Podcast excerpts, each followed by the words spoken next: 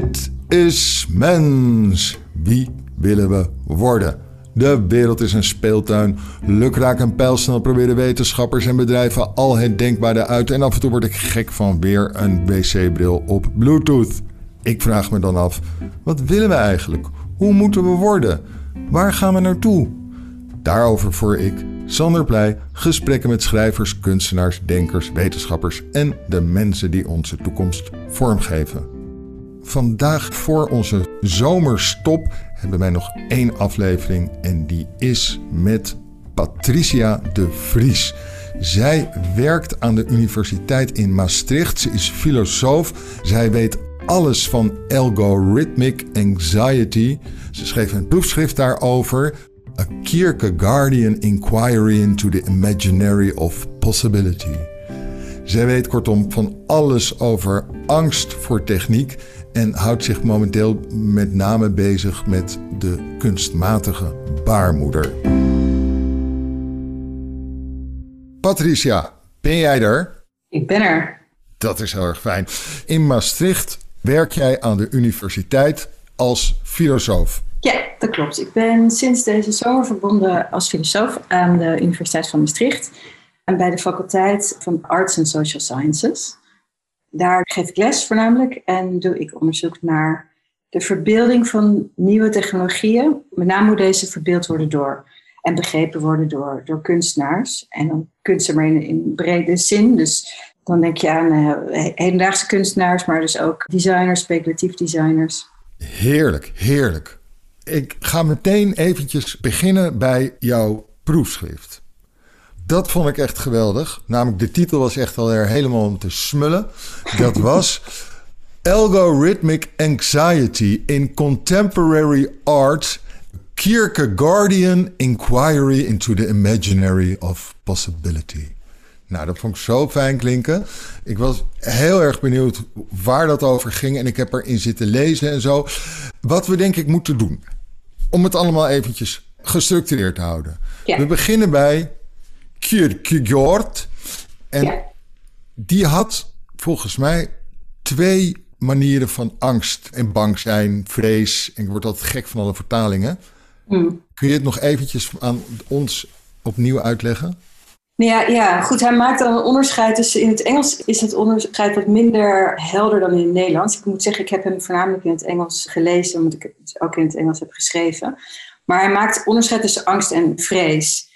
Je zou kunnen zeggen, vrees heeft een soort heeft een object, bijvoorbeeld hoogtevrees. Dus dat is dan het idee dat, dat hoogte hetgeen is wat die vrees veroorzaakt. En angst heeft niet echt een onderwerp. Dat is meer, dat is niet helemaal te bevatten of het is niet aan te wijzen. Het is een gevoel, het is een lichamelijk gevoel waarvan je, ja, dat, je, dat zich bijvoorbeeld kan uiten in, als een hele milde vorm van angst is, bijvoorbeeld piekeren, onrust, een beetje schuiven op je stoel, en als het een intensiteit bereikt of een grote intensiteit bereikt, dan zou je kunnen zeggen dat het verlammend kan zijn. En wij gaan het vandaag hebben over een van de twee. We gaan het vandaag hebben over oh ja, algoritme-angst. Dus we gaan het niet hebben over vrees, maar over angst. Terwijl, kijk, die dingen zijn natuurlijk niet helemaal los te zien. Hè? Want uh, wat Kierkegaard zegt is, uh, vaak koppelen we onze angst aan iets heel concreets. Dan zeggen we, ik ben hier of daar bang voor. Terwijl hetgeen waar we bang voor zijn, is, ligt vaak wat dieper en is, is meer complexer dan waar we onze angsten op projecteren. Maar goed, dat is met alles met Kierkegaard. Hij geeft dan twee verschillende concepten. Die zegt die zijn eigenlijk tegenovergesteld. En vervolgens laat hij zien dat ze eigenlijk met elkaar vervlochten zijn. Dus dat geldt voor angst en vrees ook zo. Het heet algorithmic anxiety. En dat is ook een begrip dat jij een beetje zelf dan, dan lanceert. Wat is dat, algorithmic anxiety? Wat is anxiety dan? Is anxiety angst of vrees? Ja, angst. Angst, oké. Maar goed, het is een angst die dan wordt geprojecteerd op algoritme. Ja, en dan wordt weer vrees. Ja, precies. Nou, daar komen we een beetje bij de kern van Kierkegaard's werk. Dingen altijd, het is nooit of-of, maar het is en-en. Ja, oké. En, en dat is ook meteen een van de, eh, ja, een heel voorname karakteristiek van zijn, van zijn werk is dat hij die binaire opposities, van denken in, nou goed, hij deed dat niet, maar de, de welbekende man-vrouw, uh, het wereldlijke of het religieuze, dat soort dingen uh, in zijn denken worden die met elkaar vervlochten. Dus dat maakt zijn werk ook uh, complex. Dus als jij dan zegt, is het angst of vrees, dan zou ik eigenlijk niet zeggen, het is het allebei een beetje. Ja. Dat, ja. Dus we hoeven, wel heel fijn, want dan hoef ik niet meer zo, zo, zo dom te voelen als ik af en toe angst en vrees bij hen door elkaar haal. Dan kunnen we lekker niet zo heel streng op onszelf zijn, maar gaan we het gewoon hebben over de algorithmic anxiety. Ja. Wat, wat, hoe kwam je daarbij? Ja, het begon eigenlijk dus bij zijn toch wel heel interessante, ik ook in ook heel complexe concept van angst. Dat ik dacht van, ja, dit is, ondanks dat natuurlijk Kierkegaard in een, in een tijd leefde waarin er geen, nou ja, om het een beetje je voorstelling te geven, er was nog geen straatverlichting. Vrouwen mochten nog niet studeren. Mensen gingen met paard en wagen door de straat. Volgens mij was er ook nog geen antibiotica. Ik bedoel, echt een hele andere wereld. Een, wereld die dus heel weinig met algoritme te maken had. En ook iets waar hij absoluut niet nooit over schreef, over technologie. Maar hij schreef wel over een, een wereld die. Hij, hij keek om zich heen in het Kopenhagen van zijn tijd. En hij zag mensen die hij. ja, die hij een beetje omschrijft als van die zelfgenoegzame Denen. Die dan ja, zo heel erg blij zijn met zichzelf en zo'n leven leiden waarin ze heel weinig risico willen nemen en heel berekenend te werk gaan. En waarin hij ziet dat, ja, dat toch wel heel veel mensen, wat hij dan noemt, het leven naar, naar cijfers. Weet je wel? Dus het leven van, oké, heb je op je twintigste tot je twintigste mag je nog wat lol hebben. Op je dertigste moet je toch wel een beetje gaan trouwen en kinderen krijgen. Op je veertigste moet die carrière er toch wel zijn. Op je vijftigste begin je aan misschien nog een, een andere hobby. En ja, risicomijdend, zelfgenoegzaam volk. Daar stoorde hij zich aan. Enerzijds. En anderzijds leefde hij in een tijd waarin nou filosofie bestond voornamelijk uit het lezen en het bestuderen van Hegel. En van filosofen die soort allesomvattende theorieën aan het eh, formuleren waren. En ook wel het geloof uh, dat we uiteindelijk op een punt zouden kunnen komen waarin we de wereld en alles om ons heen zouden kunnen begrijpen. Door middel van de reden en het, het logisch nadenken. En dat zijn eigenlijk twee dingen waar hij zich tegen afzet. Dus ook tegen het denken van de mens als mogelijk alwetende. Want voor hem was dat natuurlijk, uh, als, als christelijk denker, was dat God. En ja, hij verzette zich tegen een idee van uh, de mens die mogelijk de plaats van God in zou kunnen nemen. Dus een mens die de wereld en alles wat erin verschijnt zou kunnen begrijpen en zou kunnen uh, beheersen en overheersen. Dat is een beetje de, ja, ja, hoe je Kierkegaard zijn positie zou, zou kunnen zien. Ja. Dat gegeven vond ik erg interessant, omdat je natuurlijk ook echt wel parallellen ziet. Zeker in Nederland, toch, weet je wel, zijn toch wel vaak het, het zelfgenoegzaam landje. Um, ik zit dan ook in een leeftijdsgroep waarin je toch ziet dat mensen steeds weer voor diezelfde, steeds weer dezelfde keuzes maken. Weet je? Dus we zijn, um, nee. vind, nou ja, bijvoorbeeld. Um, Wat is je leeftijdsgroep? Ik ben, ik ben, is het dit jaar? Nee, ik ben vorig jaar 40 geworden. Dus je ziet dan toch, iedereen probeert een beetje, best wel veel zekerheden in te bouwen. Wat natuurlijk volstrekt normaal is. Dus een beetje zich gaan trouwen, krijgen kinderen, een koophuis, nou, misschien wat die of die vakantie. En toch zie je steeds weer, ja, er, zit nog steeds onrust. Mensen voelen nog steeds onrust, maar ja, delen hun leven in nou, een soort van hele ja, voorspelbare uh, stappen. En vervolgen die stappen en dan, en dan voelen ze toch onrust of angst. Of ze hebben ze last van, of het is burn-out, of het zijn depressies. Of, en toen dacht ik, oh ja, dit is eigenlijk ook een beetje wat, uh, wat Kierkegaard dan beschrijft. Van wat hij ziet in, Denemarken van zijn tijd. En ja, ik vond zijn analyse best wel scherp. Van waar zit hem die angst dan in? Van waar gaat die angst dan uh, daadwerkelijk over? En wat ik probeer te doen in mijn proefschrift is dan, oké, zijn concept van angst, helpt dat ons om te begrijpen waar angst voor algoritme vandaan komt? Dus bijvoorbeeld, nou ja, we weten uh, in onze cultuur worden steeds meer aspecten in de politiek en in de economie en in, in hoe we werken en samenleven worden ten dele gedelegeerd aan algoritme. Dus algoritme automatiseren beslissingen door nou, een beetje sorteren, klassificeren en, en, ordenen in allerlei gebieden. En nou, goed, ze spelen een rol in de verspreiding van informatie, dus welke nieuws we zien on- en offline. Ze spelen een rol in de gezondheidszorg, in de geneeskunde.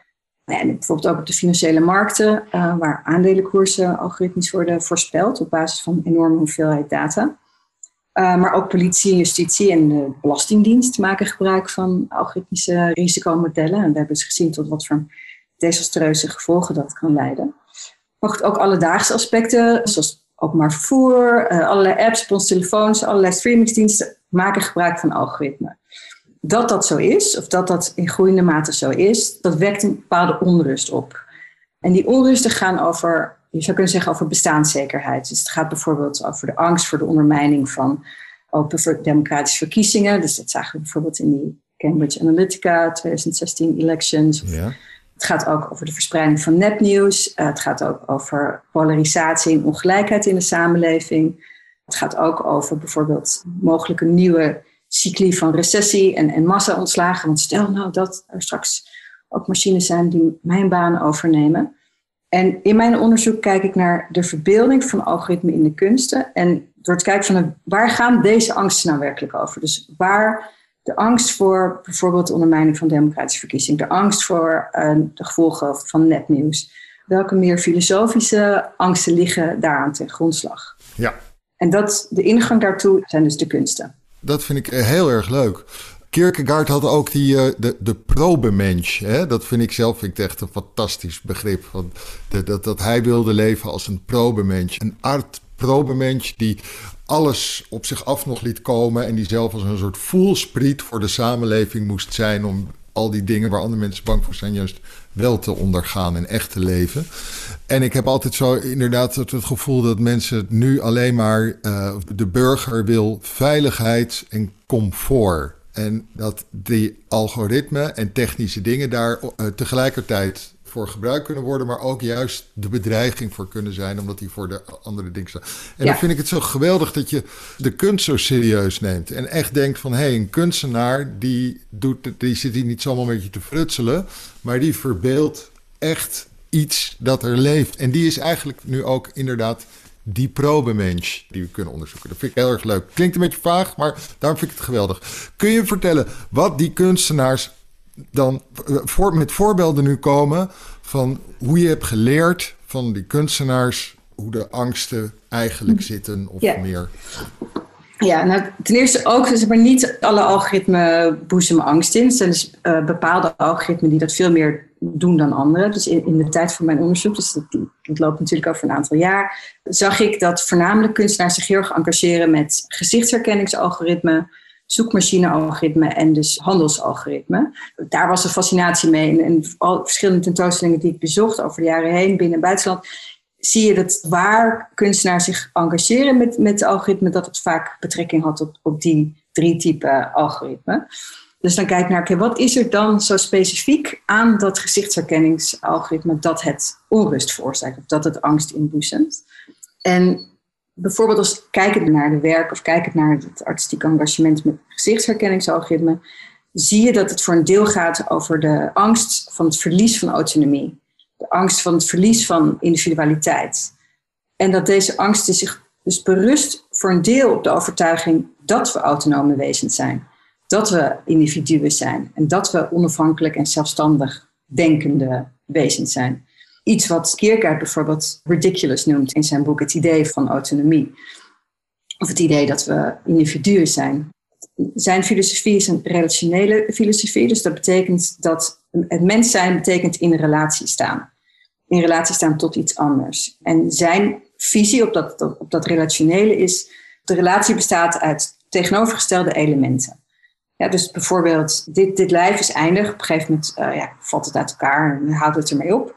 Uh, maar ik sta in relatie tot eeuwigheid, tot oneindigheid. Weet je wel, ik ben hier beperkte tijd op, op deze aardbol. En, en er, er zijn mensen voor mij geweest en er komen mensen na mij. Maar ik heb ergens ook een besef dat de wereld er veel langer bestaat. En, en mhm. het onderdeel is van iets veel groters.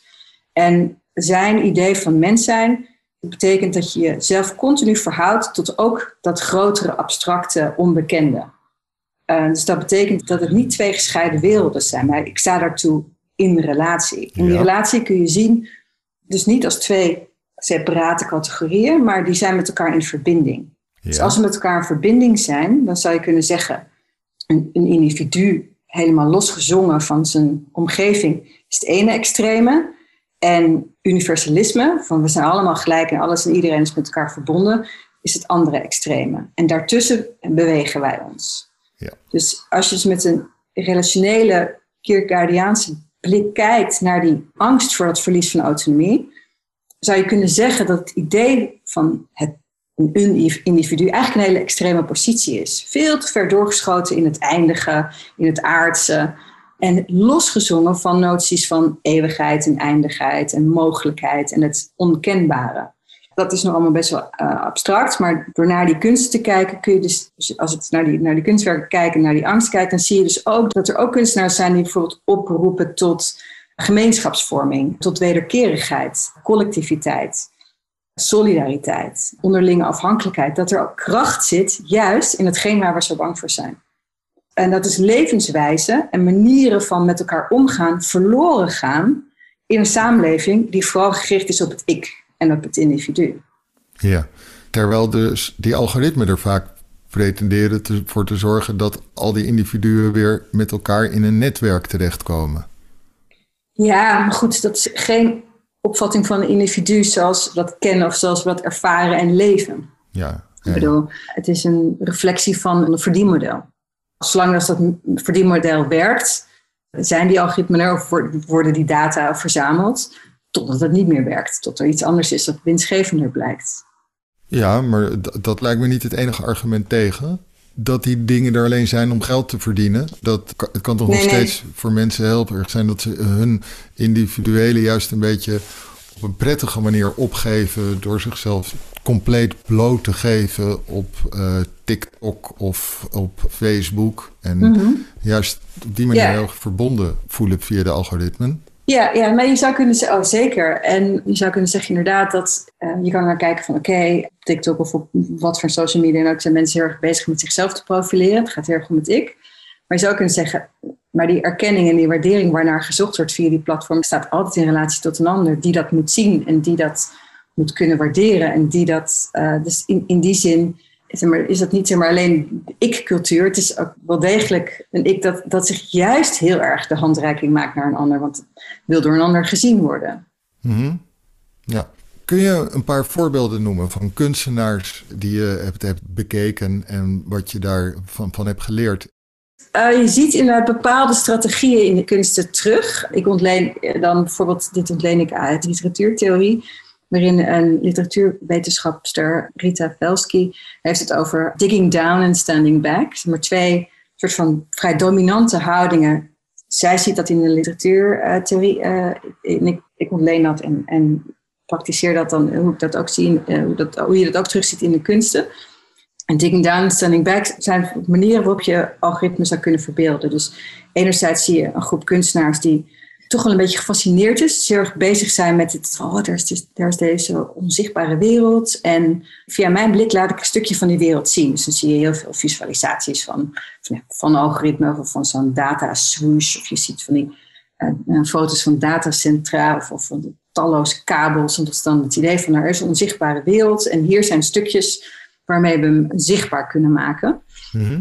En standing back is dan een andere houding. En, en bijvoorbeeld in die groep kunnen plaatsen en die laten zien van oké, ik zal je laten zien hoe het werkt. Meer kritische interventies in hoe dit soort systemen dan werken. Hmm. En bijvoorbeeld door het naar het extreme toe te trekken. Dus ja, dus dat, dat is een manier. En dan heb je nog een, een derde vorm die dat eigenlijk een beetje allebei uh, combineert. Door dus ook te laten zien van oké, welke bewegingsruimte is er? Want ja, het, het, is lastig te zeggen van de techmonopolisten en hoe er met het belastingdienstschandaal het is evident dat er dus grote problemen zijn. En nu dan? Wat, wat, mhm. De analyse is er, die sterk, die is al door vele mensen gemaakt, maar wat kunnen we vervolgens doen? En daarin, dat idee van ruimte zoeken, hoe beperkt soms ook, is iets wat, ja, wat je ook terugziet in het werk van, van Kierkegaard, dat hij dan een beweging ter plaatse. Dus kunstenaars die laten zien, bijvoorbeeld door te wijzen op de kracht van het vormen van gemeenschap of de kracht van solidariteit of ook de kracht van juist afhankelijkheid die uh, laten zien van oké, in plaats van het mystificeren, wat sommige kunstenaars doen van oeh kijk, algoritme zo snel, echt zoveel data, zoveel milliseconden, woe. Of uh, juist die heel meer soort Foucauldiaanse blik van uh, dit zijn de machtsstructuren, zo werkt het. Dus ook kunstenaars die een soort van ja, derde ruimte creëren van oké, waar kunnen we bewegen? Waar kunnen we ons niet helemaal losmaken, maar waar is er ruimte voor verzet of waar is er ruimte voor tegenkracht of waar ja, waar kunnen we weer wat lucht vinden? Ja, begrijp ik. Kun je gewoon eventjes twee, drie voorbeelden noemen die je zelf leuk vond van de kunstenaars die je hebt bekeken? Um, er is één project, dat noemt zichzelf dan een Deleuziaans hedge fund. Dat heet The Parasite. Het project bestaat niet meer. Maar het idee van het project was om, oké, laten we een soort van piggyback spelen. Dus laten we een algoritme ontwikkelen dat succesvolle handelsalgoritme algoritme nabootst. En van het geld dat we daar eventueel mee verdienen, dat geven we dan aan sociale bewegingen.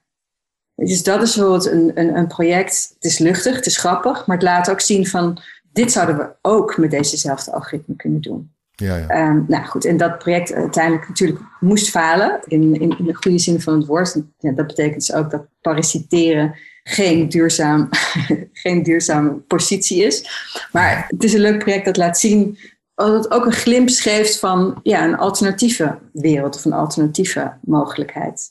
Ja. En een ander project dat ja, het ook heel op een luchtige manier inzichtelijk maakt, is het project van een, Frans uh, kunstenaarscollectief. Het heet de Algorithmic Freak Show. Uh, en die hebben, het is echt, ze zijn meer, ja, ze zijn meer een soort artistiek onderzoeksbureautje. Wat zij bijvoorbeeld hebben gedaan is, is vanaf de jaren zeventig, toen het begin werd gemaakt met, met het gebruik van, van algoritme, door stapels, papers en wetenschappelijke artikelen gegaan. Dus heel veel kennis vergaard over nou, de geschiedenis en de ontwikkeling van die handelsalgoritmen. Maar de manier waarop ze dat presenteren is door middel van het maken van een soort van rariteitenkabinet. Dus weet je wel, hoe wij naar curiosa kijken, dus vaak achter glas met enige afstand van, oh haha, kijk nou deze vergroeide, weet ik veel wat. Dus je kijkt naar een beetje van medische geschiedenismusea. Ja. Daardoor ga je al heel anders tot die algoritmen verhouden. Dus er wordt op een gegeven moment, zeker als je dan zo langs al die verschillende ja, kabinetten, glastafels uh, loopt en je, ziet dan nou ja, ook een beetje, weet je, hoe, alleen al een manier van hoe dingen in de jaren zeventig werden geschreven en nu. En dat je dan ziet van, oh ja, dit is eigenlijk een soort lange geschiedenis van pogingen van de mensen om de toekomst te voorspellen. Of om dat stapje voor zijn, net iets meer weten dan, of net iets eerder iets weten dan een ander, om dat te financieren, om daar geld op te verdienen. Ja, dan krijgt het iets heel erg tragisch. Van, oh ja, al die verschillende algoritmen, al die verschillende computersystemen, al die verschillende rekenmodellen waarmee we steeds weer proberen om eigenlijk de, de toekomst naar het heden te halen. En dan om met die kennis geld te verdienen. Ja. Ja.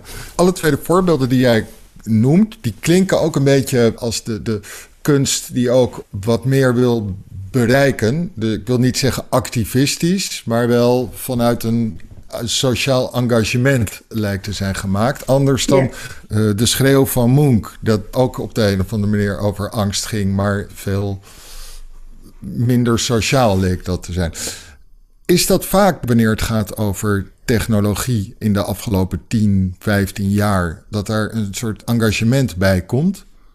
Ja, weet ik niet. Want ik zie ook wel heel veel kunst die juist best wel uh, mystificeert. Waar een soort van uh, bewondering van uitgaat. Wat je juist, weet je, waardoor je het eigenlijk een beetje depolitiseert. Dus zeker rondom handelsalgoritmes zie je dat. En waarschijnlijk ook wel rond andere algoritmen. Goed, dit is toevallig waar ik me op heb uh, geconcentreerd dan zie je uh, ja, toch een soort fascinatie met bijvoorbeeld snelheid. Of fascinatie met, oeh, in een fractie van een seconde gingen er miljarden verloren omdat dit of dat algoritme niet goed werkte. En nu, dus daar ontbreekt dat engagement heel erg. Je zou kunnen zeggen, weet je, je kan zo'n speed of light, nee, daar zijn ze nog niet, maar bij wijze van, van dat, die snelheid waarmee die algoritmen op, allemaal op elkaar inwerken in een soort onbegrijpelijke kluwen, daar kun je gefascineerd door raken. En weet je, met, ja, met een soort van uh, mystiek, alsof het een soort van onzichtbare hand is. Een andere wereld die wij niet kennen, niet begrijpen. Want wij kunnen niet denken en handelen op die snelheid. Het gaat helemaal een soort van bijna extraterrestrial, weet je, een soort van het, ja. buitenaardse uh, manier van mystificeren van die algoritmen.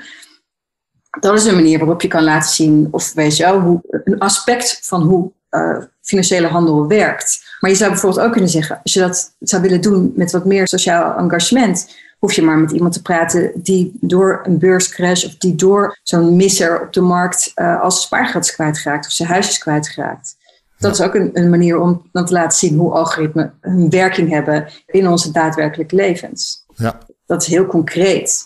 Ja, andere angst. Ik had een keertje zelf bedacht, dus totaal onwetenschappelijk uit mijn duim gezogen, had ik bedacht dat er ook Prometheïsche angst was. Want ik had echt een angstaanval. En dat was omdat ik een kastje in mijn rug had ingebouwd gekregen. Poltechniek, dus met een minicomputertje erin.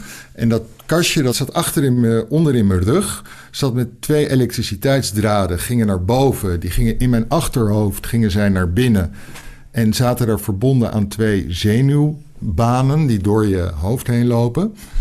En ik had een afstandsbediening daarbij. Het, het geheel was behoorlijk krakkemikkerig. Het is een jaar of vier geleden. Dus de, de, de afstandsbediening liep op twee Duracell-batterijtjes. En uh, de elektriciteitsdraadjes die door, door mijn uh, rug liepen... die kon ik ook voelen dat ze van die verstelblokjes erin zaten. Die net als, uh, ook wel als je een oude elektriciteitsdraad van een lamp hebt of zo... zitten er ook van die verstelblokjes in. Dus de techniek voelde ik echt duidelijk zitten. En op één nacht werd ik wakker, midden in de nacht. En ik dacht, what the fuck heb ik in godsnaam gedaan? Er zit een elektriciteit, er zit een minicomputertje met een batterij zitten in mijn rug. En die kan, elk moment kan dat helemaal misgaan en, en het kan gaan lekken. Of ik kan, ik, ik had net gelezen over de pacemaker van de toenmalige Amerikaanse minister van Buitenlandse Zaken, die bij hem weer was verwijderd, omdat ze dachten dat een terroristische aanslag zou kunnen zijn, dat mensen van buiten konden ze dan contact maken met zijn pacemaker. Ik had ook gelezen over iemand die bij hetzelfde soort apparaatje dat bij mensen met diabetes werkt, dat ze dat ook op hol konden laten slaan. Dus ik dacht die ene nacht dat ik, ik totale paniekaanval, wat gebeurt er? Ja. En daarna associeerde ik dat meer met een soort, ik dacht, overmoed. Ik dacht, ik heb meegedaan aan de overmoed van de mens, dat ze alle techniek even kunnen beheersen. En ik, ik ben nu te ver gegaan en dit kan nu elke keer misgaan. Je zou zeggen, dit heeft veel meer te maken met dan autonomie of zo. Van het lichaam dat dan opeens door iets anders wordt aangetast. Maar ik ervoer het als, als overmoed. Maar overmoed van, van wie? Van mij. En ik was dan, stond dan, dan representatief voor de hele mens. Van we moeten ook niet met al die techniek veel te veel gaan spelen. Of dwing ik je nu in de rol van psycholoog in plaats van filosoof? Maar ik, ik, wat ik misschien eerst wil weten is van waar zat jouw angst in? Dus dat er iets ging lekken? Of dat het je uiteindelijk iets waarvan je dacht van dit gaat me helpen uh, wat, nog wat langer verticaal uh, te kunnen lopen. Dit wordt mijn kist. Of waar ging de paniek precies over? Want je zegt overmoed, maar waar was die overmoed ja, van jou? Of is het dan dat je bang bent van misplaatst vertrouwen? Of, of waar, ja, waar zit dat in precies in? Ja, dat vond ik een dus een beetje moeilijk om goed te herleiden. Omdat het echt, het was echt, ik had dat geloof ik nog nooit meegemaakt. Het was echt een paniekaanval. Dus ik was echt gewoon, ja, midden in de nacht schrok ik wakker en ik dacht, Nee, wat zit dit? Dit kan helemaal misgaan. Dit moet eruit. En er waren geen rationele dingen verder op dat moment goed over te, te, te verzinnen. Ik dacht alleen maar van. Je gaat toch niet een computer in je doen waar van alles mis mee kan gaan? Ja, ja nou ja, goed. Ja, je zou kunnen zeggen, uh, althans, en, en nu praat Kierkegaard uh, na, en dat doe ik graag, is dat hij zegt, alle vormen van kennis zijn gegrond in angst. Dus angst is vaak toch ook een, een, de drijfveer achter veel technologische ontwikkelingen. Dus angst dat we ergens wel weten van ja, misschien kunnen we onze zintuigen niet, niet vertrouwen. Misschien zijn de dingen toch net even anders uh, dan we lijken. Het besef dat alles wat we weten en kunnen tijdgebonden is en plaatsgebonden. Dus in zekere zin zou, zou je kunnen zeggen, het is eigenlijk heel redelijk om daar, om die paniekaanval is, is, is eigenlijk heel redelijk. Want we weten, er zijn genoeg voorbeelden van technologische innovaties die, die zich uh, tegen de mens. Ja, dat, uh, het deshormoon is, is, is daar een voorbeeld van. Er zijn talloze voorbeelden van technologie waarvan we denken dat, dat ze ten dienste staan van de mens en van het behoud. Die, die zich zouden kunnen, nou, niet wreken, want dan geef je er. Dat doet niet, maar ja, waar een boemerang-effect uit zou kunnen ontstaan. Okay. Dus het lijkt me eigenlijk een hele redelijke paniekaanval. En, en wat dat betreft is paniek, angst kan ook heel productief zijn als je bereid bent om ook ernaar te kijken van wat, wat spiegelt het, wat laat het zien. Ja. En ik denk contingentie en eindigheid van ons bestaan is goed om je daar af en toe van bewust te zijn. Dus dat lijkt me ja, een, gezonde, een gezonde vorm van angst. Oké, ja. Ik heb het kastje er ook na een tijdje uit laten halen. Hmm. En uiteindelijk werkte het ook niet. Dus uiteindelijk was het ook helemaal niet zo erg. Maar wat wel grappig was, was dat toen, het er, toen ik het eruit haalde... daarna, toen ik weer uit narcose kwam... toen vertelde de zuster dat die chirurg boos op me was... omdat het kastje nog aanstond... En hij dus een schok had kunnen krijgen toen hij het eruit haalde, de elektriciteit. Dus toen hij de draden eruit haalde, stond daar nog elektriciteit op. Waarop ik tegen de zuster kon zeggen: Nee hoor, dat is niet zo. Kijk maar, volgens de afstandsbediening staat het uit. En dat was ook zo volgens de afstandsbediening. Dus inderdaad, de techniek werkte helemaal niet perfect. Kortom, het was best terecht dat ik bang was voor de techniek. Oké. Ja, ja, en, ja, zeker. Kijk, het is iets anders als je bang bent dat techniek, de angst dat we straks dingen gaan ontwikkelen die slimmer zijn dan wij, of dat er straks techniek komt die slimmer is dan wij, dat, dat is een, misschien wat, ja, wat, een wat minder redelijke gedachte dan de angst van wat heb ik nou weer in mijn lichaam gestopt. Ik, ik heb er blind vertrouwen in, terwijl dit zijn systemen die ook gemaakt zijn uh, door mensen, weet je wel, met waar, vingerafdrukken van mensen en al onze uh, mensen waar, ja, die menselijk falen en menselijk denken, die zijn erin ingebed. Dus het, het, het lijkt me heel goed om er niet vanuit te gaan dat het altijd werkt. Ik kan er beter vanuit gaan dat het niet werkt. Over naar het project rond de kunstmatige baarmoeder. Ja. Wat, wat, wat, is dat? Ja, dat is natuurlijk de moeder aller uitvindingen, zou je kunnen zeggen. Nou goed, eigenlijk zou je kunnen zeggen, van dat is misschien wel ja, de, de, de plek waar, uh, of een, een, innovatie waarin we de, de plek van, van God nog het meest uh, eventjes, weet je wel, idee van God heeft dan, zou dan uh, de wereld in een zevendaagse klus hebben gecreëerd. Van dat dat en, dus de mens, dat we die nog het meest evenaren. Ja, de kunstmatige baarmoeder. Dus dit is denk ik een paar weken geleden of een maand geleden of iets, kwam een team van Israëlische wetenschappers naar buiten. Die zeiden dat ze, dat zijn onderzoekers van het Weizmann, Weizmann Instituut, die onthulden dat zij met succes honderden muizen hebben gebaard in een, wat zij dan een kunstmatige baarmoeder noemen. En dat staat ook niet op zichzelf. In 19, begin jaren 90 was er ook een Japanse onderzoeksgroep, meen ik, die een geit in een zak. En in 2019 ontving een team van Nederlandse onderzoekers en medisch expert van Prinses Maxima ziekenhuis en de Technische Universiteit Eindhoven een subsidie van een kleine 3 miljoen uh, voor de ontwikkeling van wat een kunstmatige baarmoeder wordt genoemd, maar eigenlijk wat meer in eerste instantie vooral fungeert om als een soort van upgraded couveuse om te vroeg geboren baby's uh, een grotere overlevingskans te geven.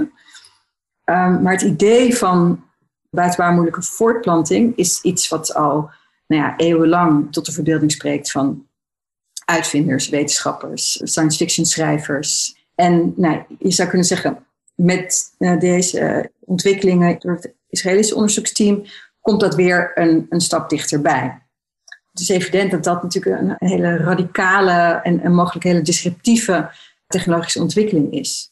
En eentje die, die niet op zichzelf staat, maar in een hele lange geschiedenis van voortplantingstechnologie staat, waaronder dus nou ja, geboortebeperking, uh, geboortebevordering, dat deshormoon, IVF.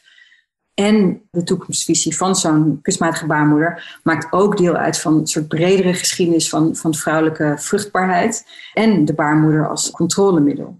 Het, dat gaat er komen, neem ik aan. Wat we, hoe we er ook over nadenken en alles. Ergens op een laboratorium in de wereld is over 60 jaar dat, zoiets mogelijk. Ja. Hoe ben jij ermee bezig? Hoe ik er naar kijk is, wat, wat maakt zoiets mogelijk? Dat kun je bekijken vanuit een, de ontwikkeling van zo'n baarmoeder. Je doet allerlei uh, ethische, en juridische en technologische uh, vragen stellen. Maar ook politieke, economische en democratische vraagstukken. Dus je, hoe ik er naar kijk is, oké, okay, vanuit feministische wetenschappelijke hoek zijn er een aantal geweest die zeggen, ja, mogelijkerwijs zou dit natuurlijk iets fantastisch kunnen zijn. Want het dragen en baren van kinderen is biologisch toegewezen aan vrouwen. En vrouwen doen dat met een gevaar voor eigen leven en, en eigen lichaam. En ook met gevaar voor de eigen carrière in een arbeidswereld die grotendeels door mannen wordt bestuurd en bepaald. En sowieso is de vruchtbaarheid van de vrouw is natuurlijk, ja, daar, daarin stuiten we op een van de grootste ongelijkwaardigheden tussen de seksen. Maar hoe ik er naar kijk is ja, dat ik het zie als enerzijds staat het in een lange geschiedenis waarin ja, de baarmoeder cruciaal was in de totstandkoming van het kapitalisme. Dus dat is heel goed gedocumenteerd door Sofia Federici. Dus die liet zien van ja, belangrijke aanjagers van het kapitalisme in Europa waren kolonialisme, slavernij, landonteigening van boeren, maar ook de controle over het lichaam van de vrouw. En met loondienst en met de onteigening van boeren van hun land, en dus ook van landeigenaren, dat gaf gestalte aan een orde die ook gebaseerd is op de uitsluiting van vrouwen van arbeid in loondienst. En daarin zie je ook het ontstaan van het idee van de vrouw als een soort van machine voor de productie van arbeidskrachten. Dus, en de criminalisering van abortus. Dat zie je allemaal ontstaan rond ja, die eerste ontwikkelingen van uh, kapitaalaccumulatie. Dat grappig, hè? Want dat, dat, ik dacht dat ik dat al een beetje wist, maar inderdaad, hè? Dat dat daarvoor niet zo was. Ja, dus vrouwen moesten arbeidskrachten gaan produceren voor de boerderijen, voor de werkplaatsen, voor de landeigenaren. En kanonnenvoer voor alle imperialistische oorlogen. En dus op dat moment ontstaat dus ook ja, het verbod op abortus. Dus de ontwikkeling van zo'n kunstmatige baarmoeder is gesitueerd en ingebed in deze geschiedenis. Dus natuurlijk, eh, de mensen die dat ding ontwikkelen, die ontwikkelen dat omdat ze kraamsterfte tegen willen gaan, omdat ze miskramen tegen willen gaan, omdat ze te vroeg geboren baby's vaak hun leven lang last hebben van allerlei eh, lichamelijke beperkingen. Dus zo'n kunstmatige baarmoeder dient ertoe om dat soort dingen tegen te gaan. Maar de couveuse op zich, in eerste instantie is het een soort van, nou, een soort betere couveuse. Maar alleen al de couveuse op zich is ook ontstaan omdat er tijdlang gedacht werd dat kraamsterfte, dat vrouwen daarvan de schuld waren. Van nou ja, ze zullen wel te veel emoties hebben bij dat kind. Ze zullen wel met een vieze handen eraan hebben gezeten. Of ze zullen wel, uh, nou goed, de oorzaak van kraamsterfte werd bij de vrouw gelegd. En toen dachten ze van, nou, dan kunnen we beter die vrouw uh, en dat kind scheiden. En dus een couveuse maken die dus de, de functie van de baarmoeder reproduceert, maar de vrouw er buiten houdt. Dus we kunnen er dus heel utopisch over nadenken, over zo'n kunstmatige baarmoeder. Van wow, een einde van het glazen plafond. Uh, zoveel ongelijkheden tussen man en vrouw weet je, hebben te maken met dat vrouwen nou eenmaal vruchtbaar zijn en een baarmoeder hebben en, en kunnen reproduceren. En dat zou fantastisch zijn, maar je moet ook kijken in welke geschiedenis het, het ingebed is. Ja. En ja, die is minder utopisch. Ja, maar hoe ben jij daarmee bezig? Volg je ook het nieuwe onderzoek heel erg? Ja, wat ik uh, wil gaan doen is wat je dus vaak ziet eh, als het gaat over innovaties. Dan wordt er gezegd van ja, eigenlijk zouden we veel meer moeten nadenken. Niet van moet deze technologie er zijn? Weet je, wat zijn de juridische consequenties? Want je kan, weet je, je kan nadenken over patenten, wat natuurlijk ook echt hartstikke belangrijk is. Van, van wie wordt deze technologie? Wie gaat de toegang ertoe regelen? Wie gaat hier eh, winst uit van maken? Maar hoe ik er naar kijk is, is ook van oké, je moet kijken naar, nou ja, goed, naar de geschiedenis. Van in welke geschiedenis is deze technologie ingebed? Dan zie ik de geschiedenis niet als iets wat achter ons ligt, maar wat dus doorwerkt in het heden. Mm en, maar ook dat je gaat kijken naar wat zou er mogelijk kunnen zijn. Dus dat je niet alleen kijkt naar de wereld analyseert zoals die is, maar ook dat je een projectie maakt van de wereld zoals je hem graag zou willen zien. Dus je zou ook kunnen nadenken over hoe verandert het onze kijk op seks? Hoe verandert het onze kijk op partnerschap? Hoe verandert het onze kijk op op de zorg voor, voor kinderen. Hoe verandert het mogelijk de positie van, uh, van vrouwen? Hoe verandert het uh, moederschap? Als dit inderdaad in hun toekomst ooit. Uh, kijk, nu hebben we het meer over een, een, stap in de richting verkunstmatiging van reproductie. Stel dat die straks inderdaad in een toekomst kunstmatig is, wat, waar zou dat toe kunnen leiden? Maar daarmee is het dus heel belangrijk dat je dus niet technologie loszinkt van de maatschappij waarin wij leven. Want het zal altijd een weerspiegeling zijn van de maatschappij waarin wij leven. Ja, maar hoe ben jij daarmee bezig? Want ik vraag me het zo af, omdat er mensen die zullen het vanuit allerlei verschillende moralen hun oordeel hierover hebben. Uh, en en die, je zult allerlei verschillende rechtvaardigheden uh, gingen hebben die af en toe diametraal op elkaar staan. Maar bestudeer je die en, en geef je die weer? Analyseer je die? Of ja, ik kijk, kijk enerzijds naar welke angst het oproept. Dus bijvoorbeeld de angst voor eh, de oude moeder. Dat is een, uh, oh mijn god, straks kunnen vrouwen van een zekere leeftijd uh, nog steeds kinderen krijgen door deze kunstmatige baarmoeder. Dus dat is zo'n angst, ja, trope zou je kunnen zeggen, van de, de oude moeder als een soort verwerpelijk figuur waar we ver van weg moeten blijven. Maar ook. maar nu, ehm, nu denk ik, door hoe jij dit zegt, denk ik dat je dat zelf niet vindt. Ja, ik vind het vooral interessant waarom dat zo'n verwerpelijk figuur is en de oude vader bijvoorbeeld niet. Dus dat, dat, soort, dat soort dingen. Ik vind het interessant waarom dan die angst zich zo richt op dat er dan oude moeders zouden kunnen zijn. Dat verbaast me. Maar bijvoorbeeld ook op het moment dat deze technologie werd aangekondigd, waren de reacties vaak zitten best wel in een conservatieve kramp. Dus je krijgt dan dus bijvoorbeeld het verhaal van de oude moeder, maar ook van ja, maar dan, wat, is dat, wat het, betekent het gezin dan nog? Als, het gaat toch juist om dat, dat soort van de angst voor de teloorgang van, een, van het gezin. Mhm. En ook van ja, maar dan kunnen vrouwen een, zwangerschap eindeloos uitstellen. En dan kunnen ze, weet je wel, de vrouwen die alles willen. Dus daarin zie je reacties, hele conservatieve reacties op onze ideeën over hoe een gezin eruit zou moeten zien. Hoe een moeder eruit zou moeten zien. Hoe oud zijn moeders mogen zijn. Welke offers je als moeder zou uh, geacht wordt te maken. Dus dat is hoe ik er naar kijk. Van oké, welke angstkrampen levert zo'n technologie op? Enerzijds. En die zie je nu dus vooral komen vanuit een conservatieve hoek, vanuit mensen die niks moeten hebben van hoe de, de normale maatschappij wordt aangetast. En mensen die waarschijnlijk al gedomineerd zijn door een ding waar de, waar de man de baas is en de vrouw al heel goed als broedmachine uh, fungeert. Je ziet niet de andere kant ook.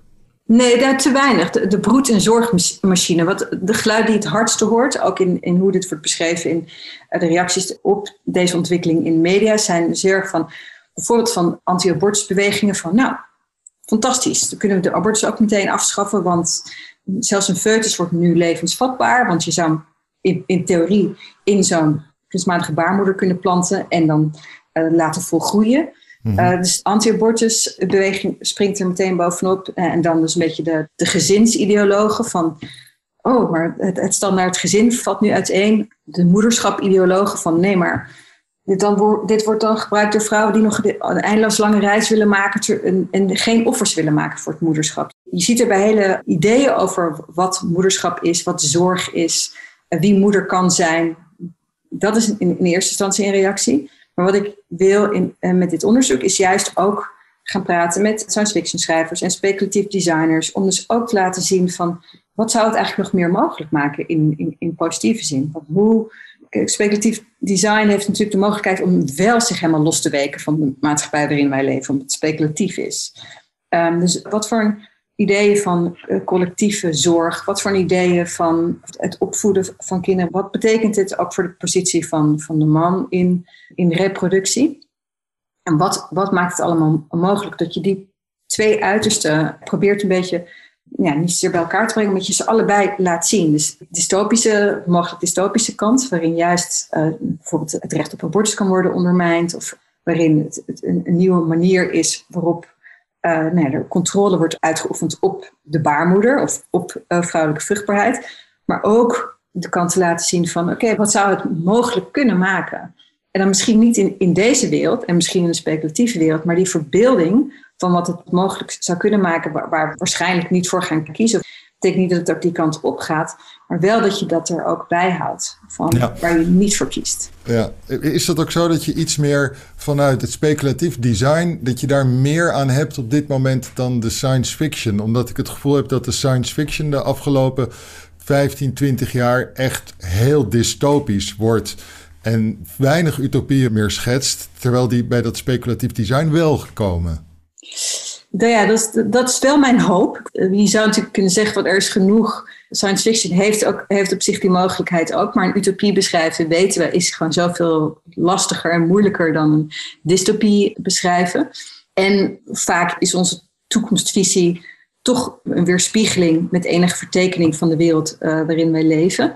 Omdat het ook heel moeilijk is om na te denken over wat er nog niet is dat is een, eigenlijk een hele lastige taak. Maar wel een taak waarvan je zou kunnen zeggen, daar is een rol voor speculatief design. Daar is een rol voor de kunsten. Om ons daarvan een, een idee te kunnen geven van ja, wat, wat, ja, wat, zou, wat zou kunnen. Meer het mogelijkheidsdenken in plaats van dystopisch denken. Patricia, heel hm. erg bedankt. Graag gedaan. Ik vond het leuk. Ik heb wel het gevoel dat ik aan het bord ben geweest, maar dat is ook zo. Dat is helemaal de bedoeling. Dat uh, zijn we altijd heel erg blij mee heel erg bedankt. Graag gedaan.